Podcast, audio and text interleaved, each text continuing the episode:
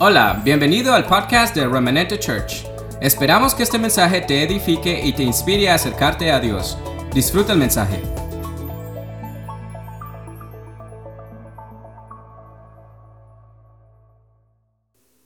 Vamos a hablar en esta mañana sobre liberando mi voluntad. ¿Liberando qué? Mira el que está a su lado y dígale, liberando mi voluntad, mi voluntad. Por años hemos trabajado en las personas, por años hemos trabajado en ellos, en su mente. Y hemos llevado a la gente a que renueve su mente. Y hemos, nos hemos esforzado por transformar el sistema de creencias eh, que hemos traído por años de muchas culturas. Pero creo que ya llegó la hora de que empecemos a trabajar en la voluntad. Esto es lo que yo he encontrado los diferentes lugares donde debo de predicar cada semana y enseñar. He encontrado a la gente de una mente fuerte, pero de una voluntad débil. Y eso nos preocupa en razón a lo que Dios ha querido hacer contigo. Y desde esta mañana el Señor ha estado impartiendo una palabra muy profética, una palabra que alinea mi voluntad con la voluntad de Dios. Amén. Espero que el Espíritu Santo le hable con- como nos habló en la primera reunión y podamos profundizar hasta donde más podamos, hasta donde más podamos profundizar la palabra eh, y que todo el contenido de ella pueda tomarlo y vivirlo. De antemano, gracias por lo que hacen por nosotros. Han sido muchos años apoyándonos. Siento que tenemos gran responsabilidad de responderles igual. En Colombia son ocho iglesias, más la iglesia de Ecuador, y todas creciendo a un nivel impresionante. En el tema de Pereira, eh, llego ahora a celebrar mi aniversario de boda.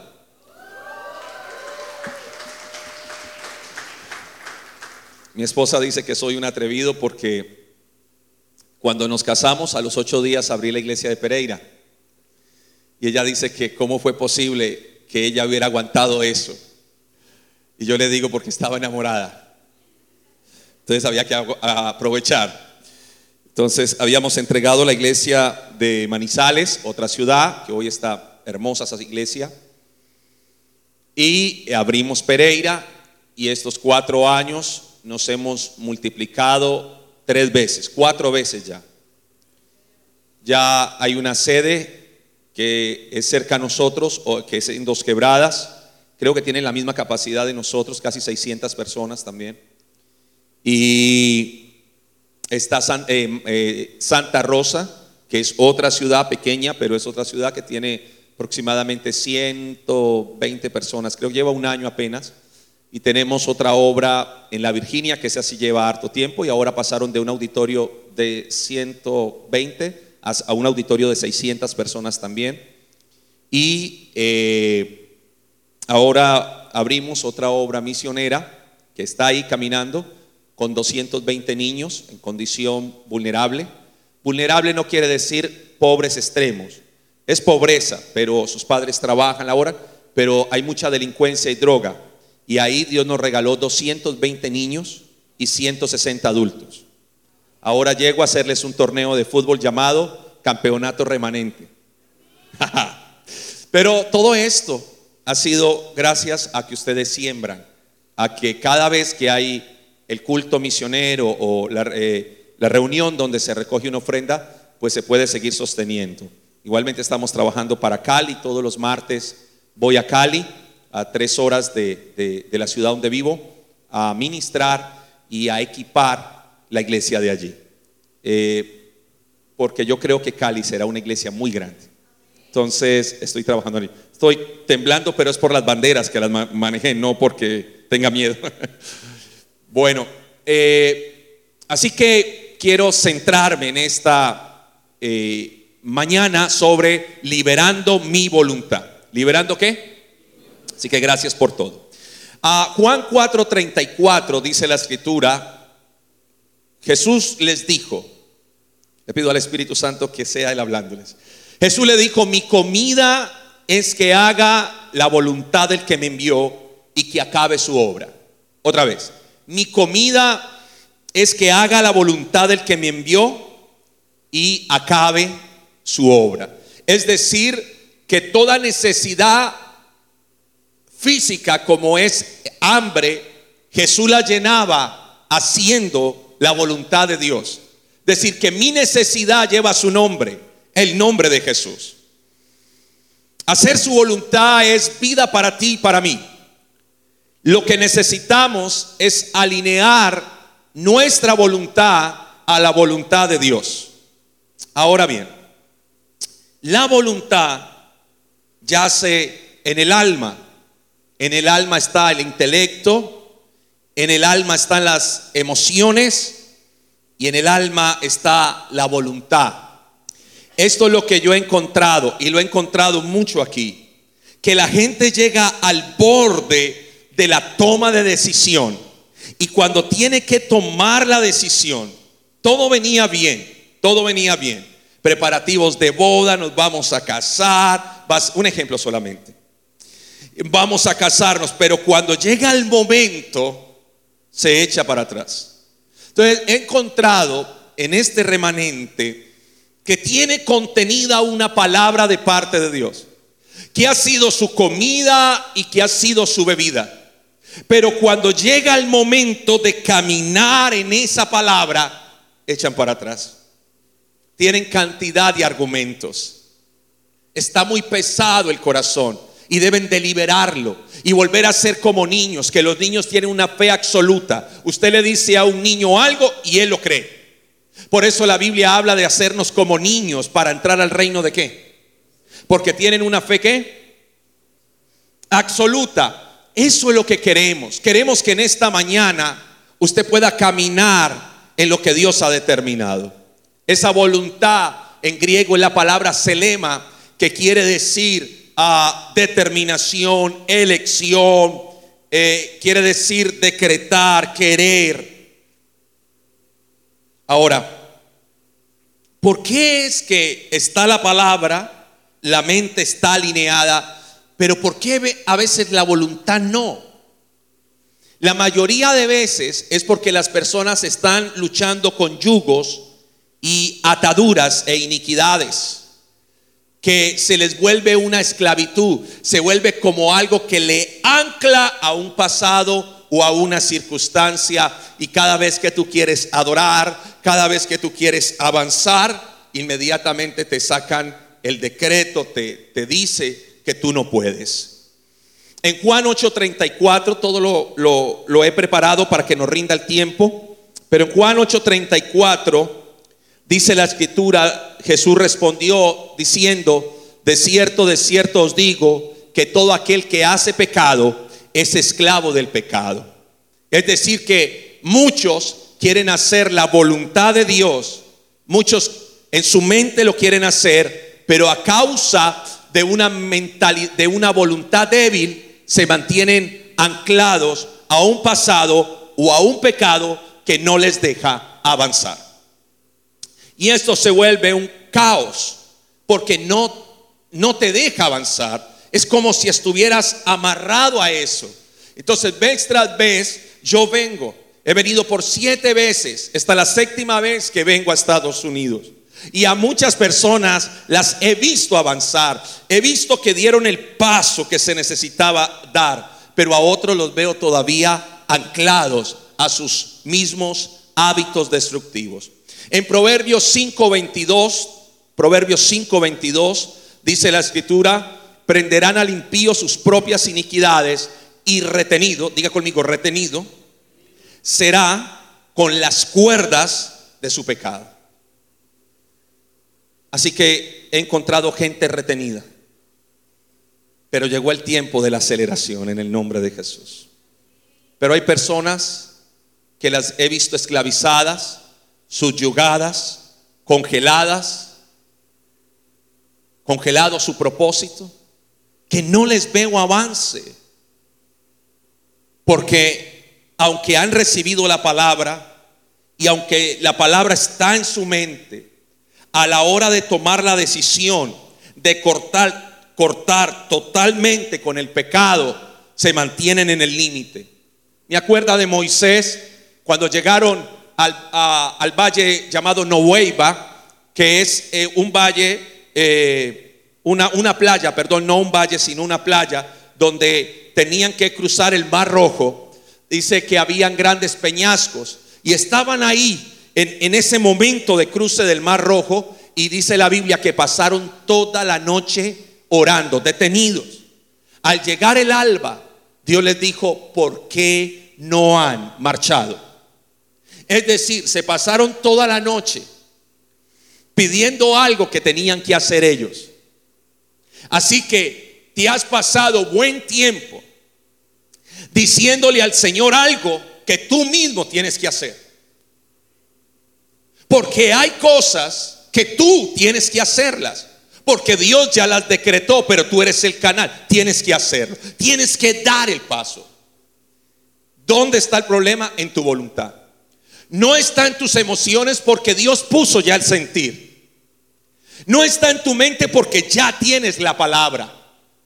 ¿En dónde está el problema? En la voluntad porque razonas demasiado, porque cuestionas demasiado, porque argumentas demasiado la palabra. La mayoría de hombres de la Biblia, todos cuando recibieron la palabra, tuvieron una excusa. Todos se sintieron que no, no, no serían capaces. El mismo Jesús como hombre, nuestro rey, dijo, si quieres pasa de mí esta copa, mas no se haga mi voluntad sino la tuya. Porque cuando nos paramos frente a hacer la voluntad de Dios, nos intimidamos.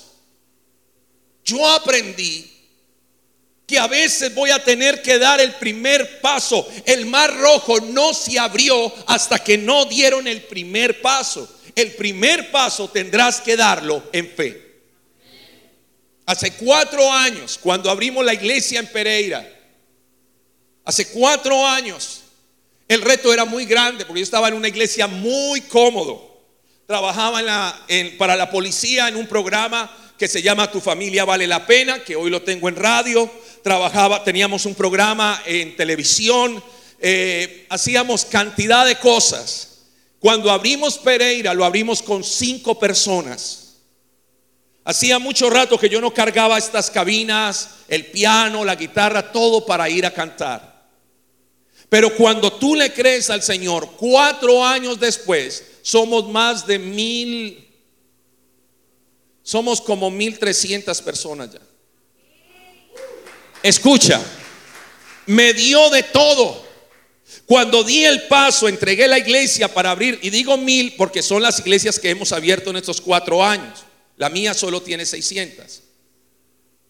Pero lo que quiero decir es que dar el primer paso a veces no sabrás todo, pero cuando tienes retenida una palabra de parte de Dios, tú te mueves en ella.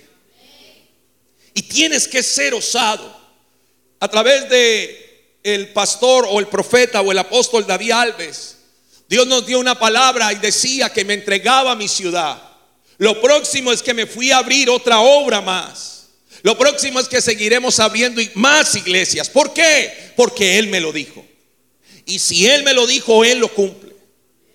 Pero hay muchas personas aquí que Dios les ha dado una palabra y la tienen retenida. No porque no la tengan aquí, no porque no lo sientan, sino que a la hora de caminar en esa palabra están esperando que alguien le dé la patadita de buena suerte.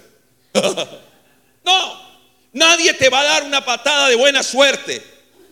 No sé si eso se entienda en inglés, pero en fin. Ahora, lo que quiere lo que quiero decirte es, vas a requerir no que te den una patada, vas a requerir que tú mismo te muevas en fe.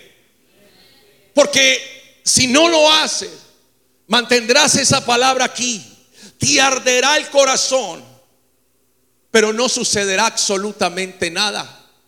Y dice el Espíritu para esta mañana que hay muchas personas aquí con una palabra retenida porque no han dado el paso que tienen que dar para cumplimiento de esa palabra. Por temor, porque tienen una voluntad pasiva o porque tienen una voluntad débil. Pero viva el Señor en cuya presencia estamos.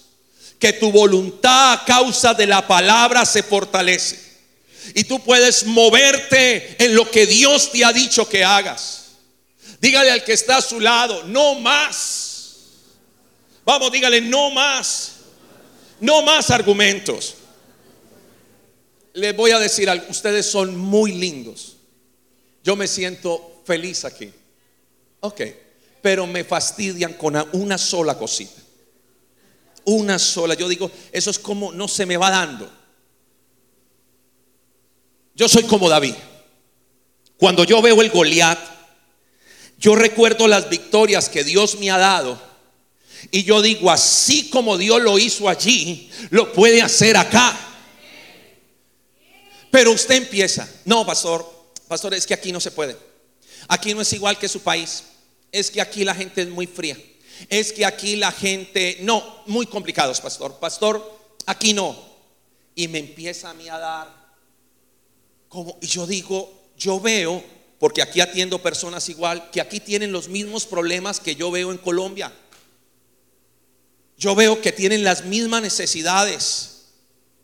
¿Usted cree que en Colombia es fácil? Es que no se trata de la gente, se trata de ti. No me fastidies con eso porque me duele, porque veo que es el argumento para no traer gente a este lugar. Y la gente afuera se nos está muriendo. La gente afuera está sufriendo más que en nuestros países, porque la gente viene aquí sola y necesita de un cristiano avivado que tenga la unción para traerlos, para convocarlos. Yo vengo de ver cantidad de gente pasando a recibir a Cristo. Es posible. Ya estás al límite. Esta casa ha recibido tremendas palabras. Pero a la hora de caminar en esa palabra, titubea. A la hora de caminar en esa palabra, argumenta demasiado. Dios no te llamó a argumentar, Dios te llamó a derribar los argumentos. Dios te llamó a que camines en la palabra que Él ha hablado acerca de ti. Necesito que se rompa el yugo del cual usted ha estado atado, que no te deja avanzar.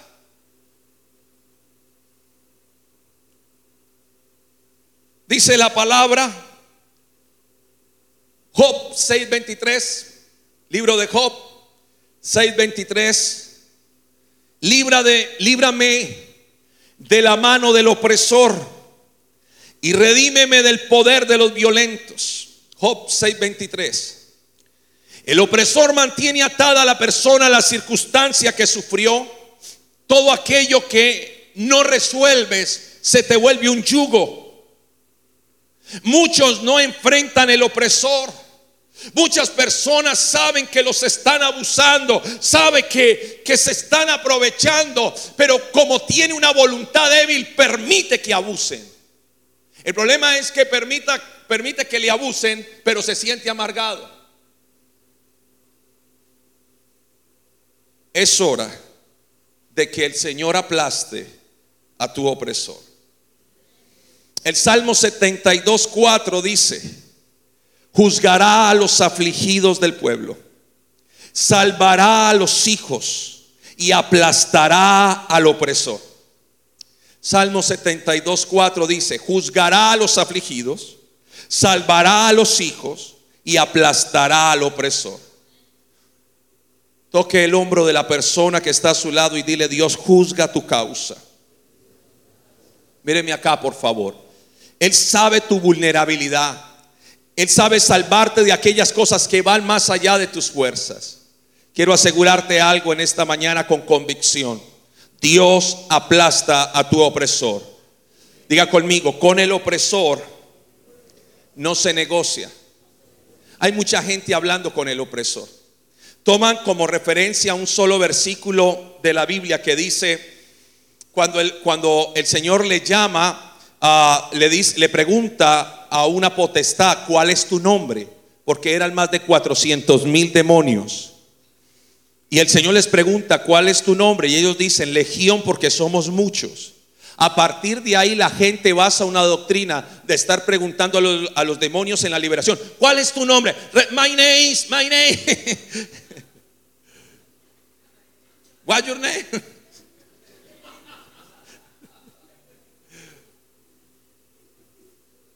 No le preguntes a tu enemigo, no hables con él. La Biblia no te mandó a hablar con tu enemigo. La Biblia te mandó a reprenderlo y aplastarlo. Pero, espera, espera, espera. Mira, el problema es que tú hablas con el enemigo como hablando con un vendedor de multinivel. Tú empiezas diciéndole que no, al final sales con una cantidad de bolsas. ¿Por qué? Porque cada vez que empiezas a argumentarle al enemigo es como si tú le estuvieras pidiendo permiso. Porque tú arrancas con una convicción, pero quien entabla una conversación con el enemigo termina, termina perdiendo. Porque él sabe tus áreas débiles. Entonces tú llegas ahí al valle de la decisión, al momento del cruce, al momento de dar el paso y empiezas a hablar con el enemigo. ¿Y si no es de Dios?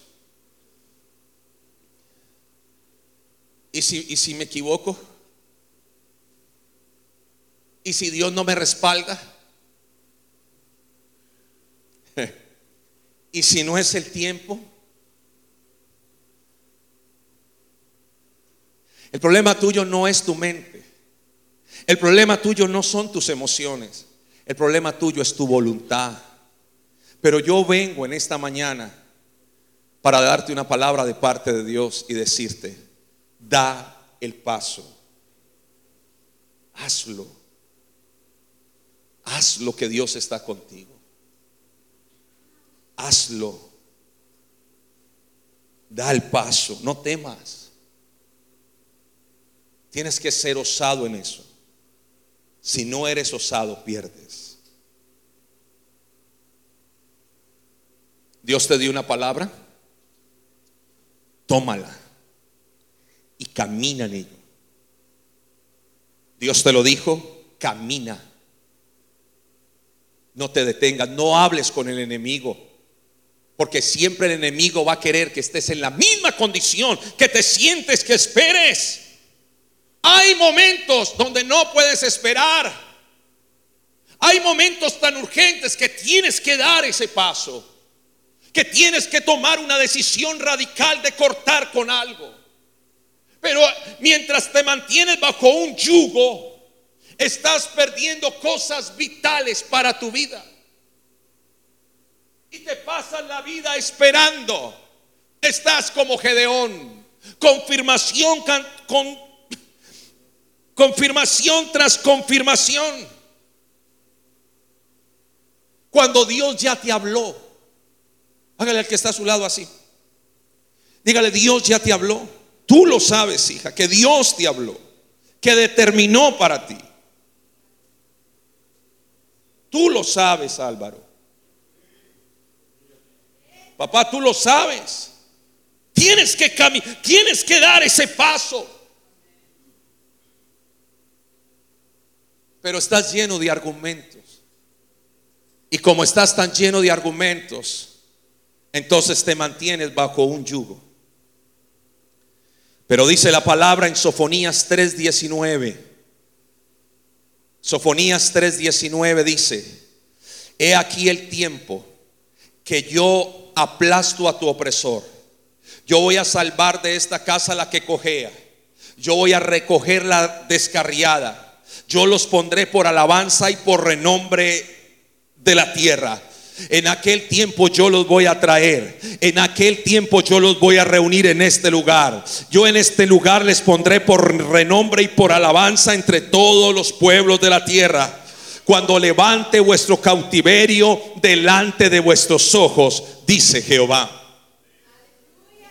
Ahora bien, como hizo Dios con el pueblo de Israel, lo hace con nosotros.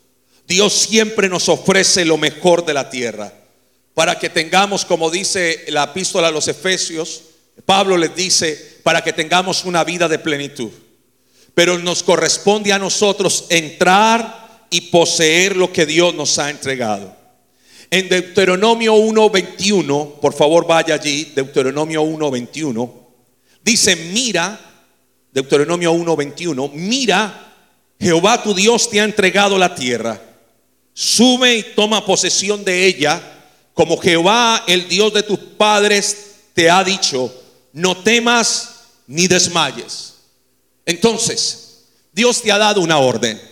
Y aquí hay ministerios contenidos, personas específicas a las cuales Dios les ha hablado para que desarrollen un ministerio de los últimos tiempos, ministerios de poder y de fuego, gente que provocará que esta casa se llene de cantidad de almas.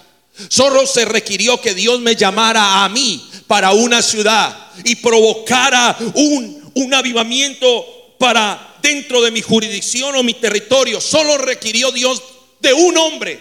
¿Cómo será? Yo soy uno que he provocado eso a través de esta cobertura. Uno. Y somos ahora más de mil. Solo en mi región, en, mi, en donde estoy. Ahora las otras ciudades, imagínense. Con uno hizo eso. ¿Cuántos hay aquí? ¿Cuánto puede Dios hacer contigo?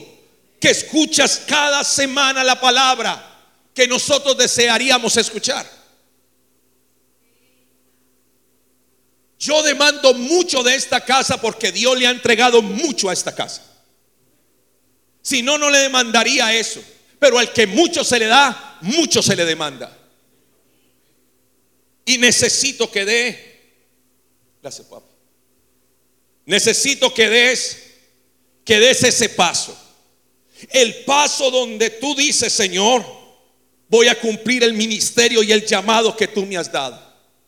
Voy a ser Dios que, que esta casa tenga ese cumplimiento. Voy a activar mi ministerio, pero requiero de aceptar ese llamado y dar ese paso y moverme ¿Sabe por qué Dios me trae de tiempo en tiempo? Para recordarle a usted que sí es posible. Que lo que Dios te entregó, si Dios te puso en esta casa, es para que ejecutes la palabra que tienes. Me dice el Espíritu Santo, les he dado dones que no están usando hay cantidad de dones y llamados en el garaje de su casa. La mayoría de garajes, del garaje donde voy a las casas, todos me dicen lo mismo. Ay, pastor, disculpen la cantidad de cosas que tenemos. Así está tu llamado. Y así está tu ministerio. Muchos tienen su ministerio en el garaje. Usted me entiende lo que quiero decir, ¿verdad? Muchos lo han puesto en otro, en otro lugar cuando deberían de tenerlo en un lugar de privilegio. Dice la escritura, mira, Jehová tu Dios te ha entregado la tierra, sube y toma posesión de ella. Es que es increíble. Dios te dijo sobre algo específico de tu trabajo. Dios te habló específicamente de tu casa. Dios te habló específicamente de la promoción que va a traer contigo. Y Dios te dice, da. Pareciera que, que temes. No te das cuenta que antes no tenía lo que lo que ahora tiene Viva Jehová en cuya presencia estoy, que muchos no tenían y cuando no tenían eran más osados. Y ahora que tiene, que puede ir a un nivel mayor, se paraliza. Si antes no tenías y cuando no tenías eras osado, eras arriesgado. Y ahora que tienes, ¿por qué te paraliza? Yo hice un contrato de dos años en un lugar, ya crecí, me tengo que ir.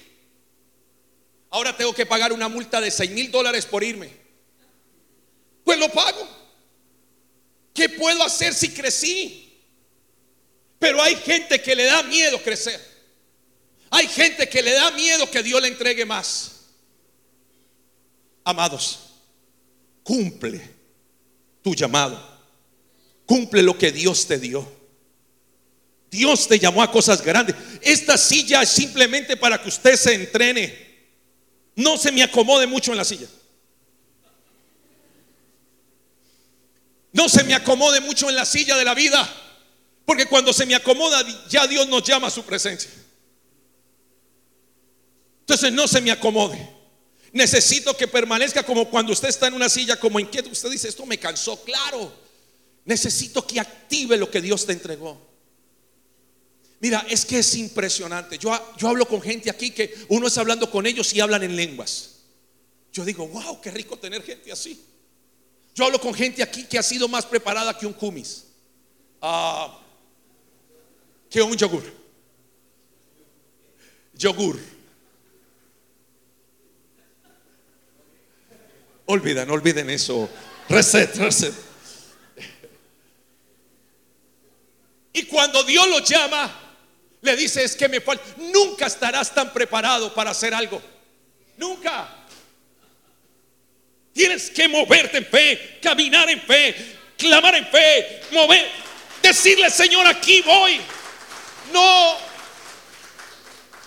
Le voy a decir, mucho de lo que hago lo hago sin recursos.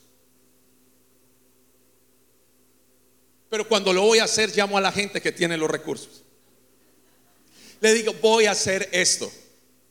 Necesitaba 220 regalos en diciembre. Necesitábamos para eso, son 220 niños. Así que llamamos gente que tenía esos recursos. Y le contamos lo que íbamos a hacer y nos dieron más. Es más, sobró tantos regalos que hasta le dimos regalos a los niños de la iglesia. O sea, porque eso era para los niños necesitados, pero había tanto que hasta dimos y sobró. Mandamos regalos a otra fundación en, por la otra ciudad cercana a nosotros. Escúcheme, muévete en fe, que si Dios te llamó, Él te dará los recursos para sostener tu proyecto. Muévete, muévete en lo que Él ha dicho.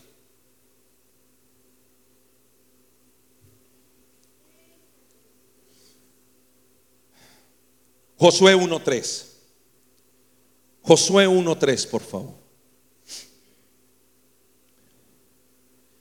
Yo os he entregado, como dije a Moisés, todo lugar que pisare la planta de tu pie. Moisés quiere decir salvado de las aguas. Pero Josué quiere decir, Dios es mi salvación. Para cruzar el desierto requeriste de un Moisés de uno salvado del agua, de uno que tal vez tuvo que lidiar mucho con, en sus fuerzas, pero para entrar en la tierra prometida tienes que despedirte de, de Moisés y entrar con un Josué, porque Josué quiere decir, el Señor es el que me salva. Y en este tiempo requerimos de gente como Josué Gente que está determinada a hacer lo que Dios dijo que hiciera. En este tiempo, que se derriben tus argumentos, que te salga el Señor al encuentro, que te atraviese el carro, que no puedas desviarte de tu propósito. Y declaro en el nombre de Jesucristo que no podrás desviarte de tu propósito. Que el Señor te sale al encuentro hasta que te alineas y estás en ese momento que debes de tomar una decisión. Yo no seré, así lo declaro sobre mi vida, yo no seré un periódico de ayer que nadie quiere leer. Yo quiero una verdad presente. Yo necesito una verdad presente para mis hijos. Yo necesito al Dios presente, no el Dios de ayer. Gracias, Padre, por lo que hiciste. Necesitamos el de hoy. Amén.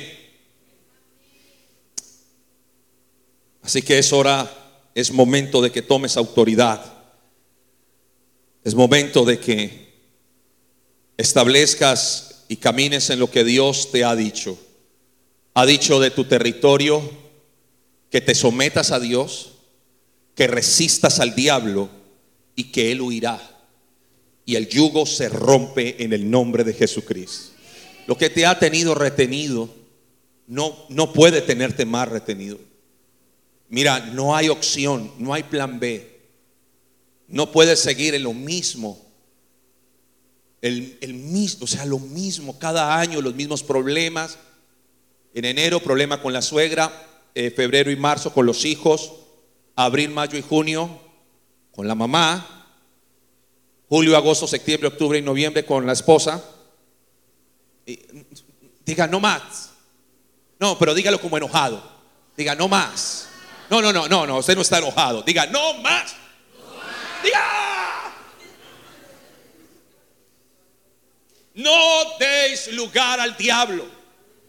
Efesios 4, 27. No des lugar al diablo. No le des tu territorio al diablo. Territorio que no se toma, se cede.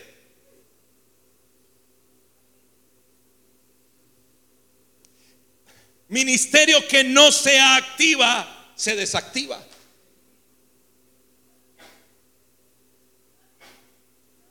El milagro es contigo.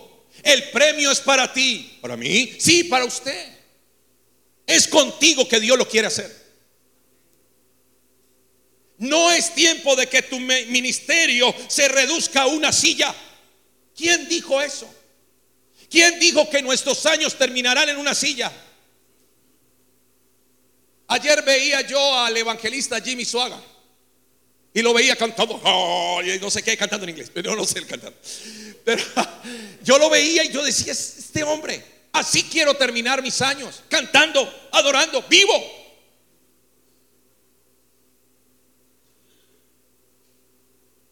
Nunca un ministerio termina, escuche esto, nunca.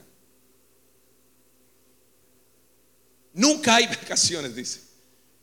Nunca un ministerio termina. Lo que hace uno es que lo entrega para que otro vaya más allá. Y tu ministerio no ha terminado. Tu llamado no ha concluido. Tu llamado es vigente.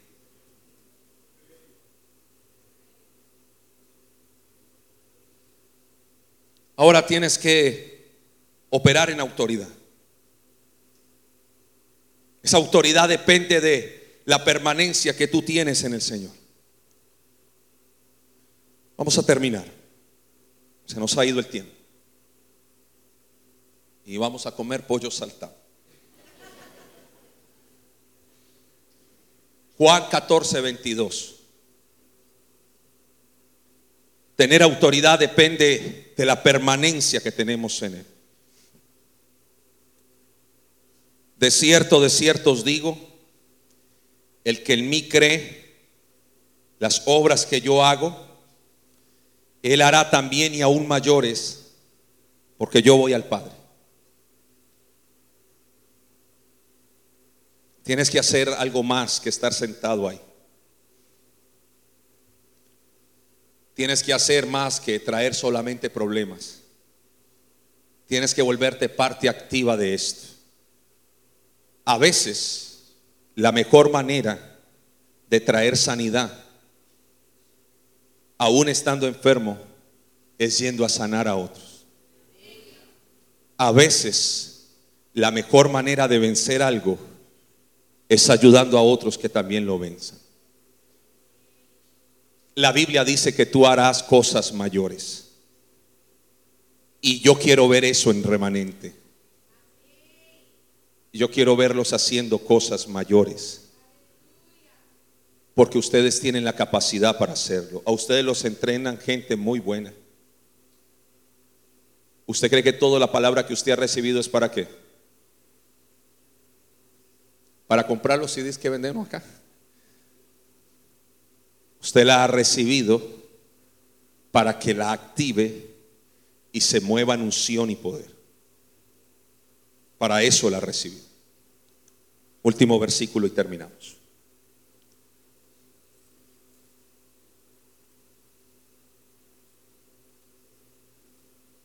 Primera de Juan 5.4.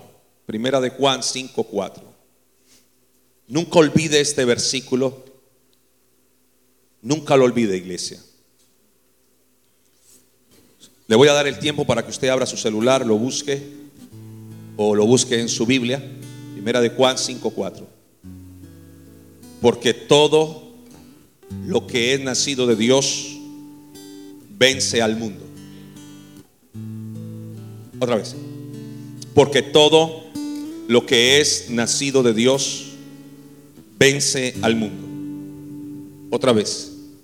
Porque todo lo que es nacido de Dios tiene un código de victoria.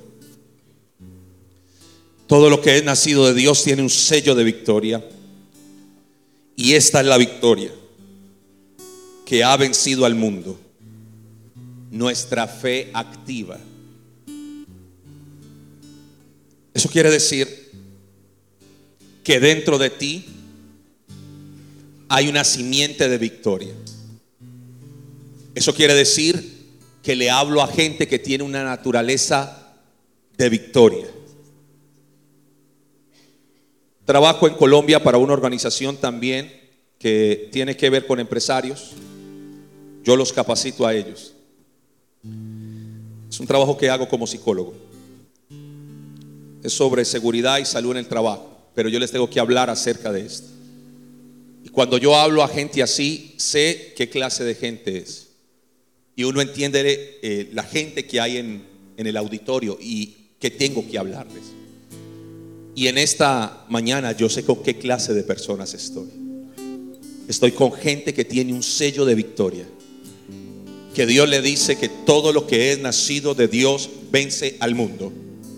Que todo lo que es nacido de Dios vence el sistema del mundo. Vence la depresión, la enfermedad, la deuda, la angustia, lo que sea del mundo lo vence. Que lo que tienes que hacer al pararte al límite es tener una voluntad fuerte, férrea. Una voluntad donde determinas caminar no en tu propia voluntad, sino en la voluntad de lo que Dios dijo acerca de ti. Que no necesito que hagas tu voluntad o mi voluntad. Haga lo que Dios dijo que lo hiciera. ¿Qué, ¿Qué quiero decir con esto y cierro? Que cuando la gente no crea en ti, que cuando la gente, cuando tal vez te arrinconen, cuando tal vez te rotulen, tú vas a requerir recordar, requerir recordar que estás haciendo la voluntad de Dios. A mí me ha pasado, pasado momentos no fáciles, pero tengo una palabra de Dios contenida que me sostiene, que me hace vivir, que me sostiene. No sé cómo explicárselo, pero a veces pienso que no tengo enfermedad. A veces se me olvida que tengo que tomar quimioterapia. No sé cómo explicarse. No es algo como que me guste tomar esa vaina. Pero pero cuando tengo una palabra como la que yo tengo, yo veo a los pacientes que van allá y yo digo, yo no tengo eso. Me hago entender. Porque cuando tú tienes una palabra contenida, no es la circunstancia lo que determina tu éxito. Es lo que tú tienes interno. No, no sé cómo explicarse.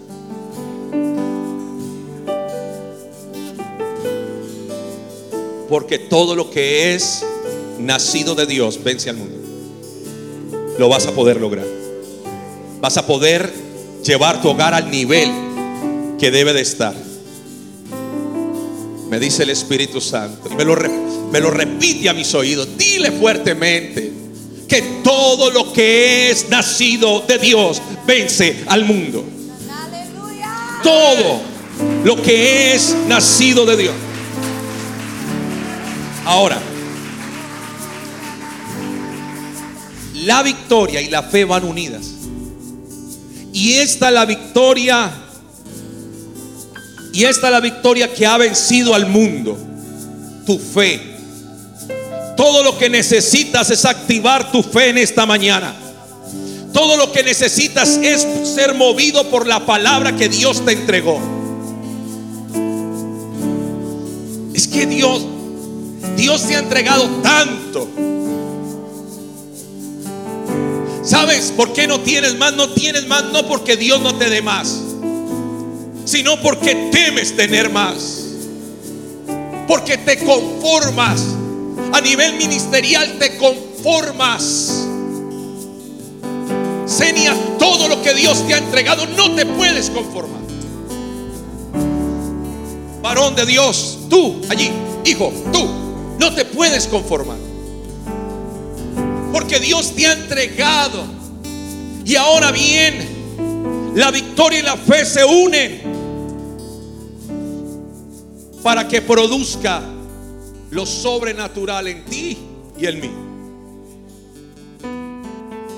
Así que llegó la hora de decisión. Esperamos que este mensaje haya sido de bendición. No te olvides de suscribirte a nuestro podcast y seguirnos en Facebook e Instagram arroba remanente.